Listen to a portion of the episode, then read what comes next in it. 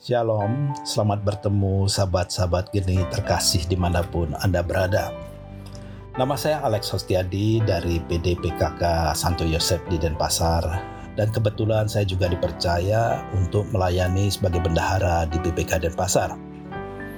Hari ini kita mau merenungkan kisah dari Injil Matius bab 15 ayat 21 sampai dengan 28 tentang seorang wanita yang anaknya kerasukan dalam kisah ini, seorang wanita Kanaan memohon kepada Yesus untuk menyembuhkan anaknya yang kerasukan. Yesus menjawab dengan menunjukkan bahwa dasar perutusannya selama pelayanannya di dunia ini yakni untuk orang-orang Yahudi atau Yesus mengatakan untuk domba-domba umat Israel yang hilang. Tetapi ketika wanita ini bertahan dengan berkata, "Tuhan, tolonglah aku Yesus menjawab dengan suatu ucapan keras yang menyamakan orang bukan Yahudi dengan anjing dan orang Yahudi sebagai anak-anak Allah. Tetapi wanita ini segera tanggap dengan cepat menunjukkan bahwa bahkan anjing pun diberi remah-remah yang berasal dari meja tuannya. Pernyataan iman yang demikian sangat mengesankan Yesus sehingga ia memenuhi permintaan wanita tersebut dan anaknya disembuhkan. Dalam rencana keselamatan Allah, memang tempat khusus diperuntukkan bagi orang-orang Yahudi. Tetapi Yesus sendiri memuji dan menghargai iman yang hebat dari seorang bukan Yahudi. Kalau kita lihat dari bacaan pertama dari kitab Yeremia 31 ayat 3 di mana Tuhan mengatakan, Aku mengasihi engkau dengan kasih yang abadi.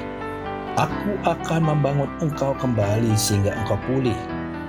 Ayat-ayat ini menceritakan kepulangan bangsa Israel dari pembuangan di Babel. Sama seperti kita di situasi seperti saat-saat ini, di mana-mana kita melihat dan mendengar begitu banyak keputusasaan di sekeliling kita. Begitu banyak orang sakit, stres, tidak ada pekerjaan, Inilah saatnya kita harus lebih lagi mengarahkan pandangan hati kita kepada Tuhan yang sungguh mengasihi kita dengan kasihnya yang tak berkesudahan. Kita sering mendengar bahwa Tuhan sudah tahu semua kebutuhan kita, walaupun kita tidak berdoa kepadanya. Tetapi Tuhan menghendaki supaya kita mempunyai hubungan yang sangat erat dengannya.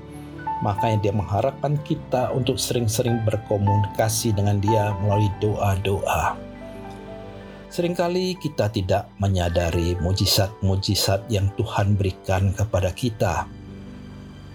Kita harus lebih lagi berusaha melihat keterlibatan tangan karya Tuhan dalam setiap langkah kehidupan kita.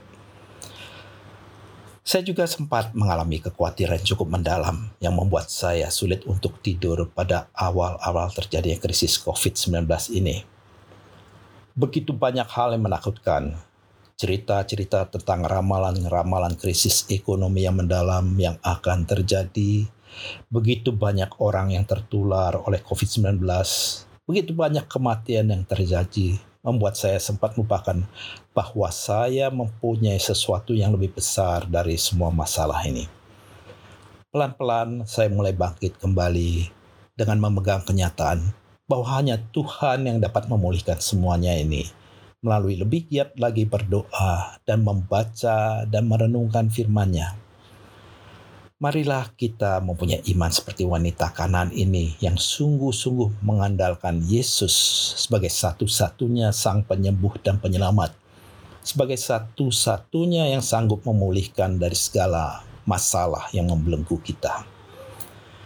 Kita, ketika kita lebih mengarahkan pandangan kita pada masalah yang berat yang saat ini menimpa kita, daripada mengarahkan hati kita kepada Yesus, kita akan jatuh seakan-akan tidak ada harapan lagi. Tidak ada seorang pun yang dapat menolong kita. Inilah saatnya seperti wanita kanan ini, di mana kita harus mengarahkan pandangan kita sepenuhnya kepada Yesus. Apa pun yang terjadi di sekeliling kita, walaupun seakan-akan semua hal buruk yang akan menimpa kita, sehingga tidak ada harapan lagi, inilah saatnya kita mempercayai 100% bahwa Yesus akan membantu kita untuk menguatkan kita dan membawa kita keluar dari kesulitan-kesulitan ini. Kita akan bangkit lagi dan akan menjadi jauh lebih kuat dari sebelum kita jatuh dalam keterpurukan ini. Mari, sebagai anak-anak Allah, kita bangkit dan mengandalkan Dia sebagai satu-satunya kekuatan kita. Amin. Tuhan memberkati kita semua.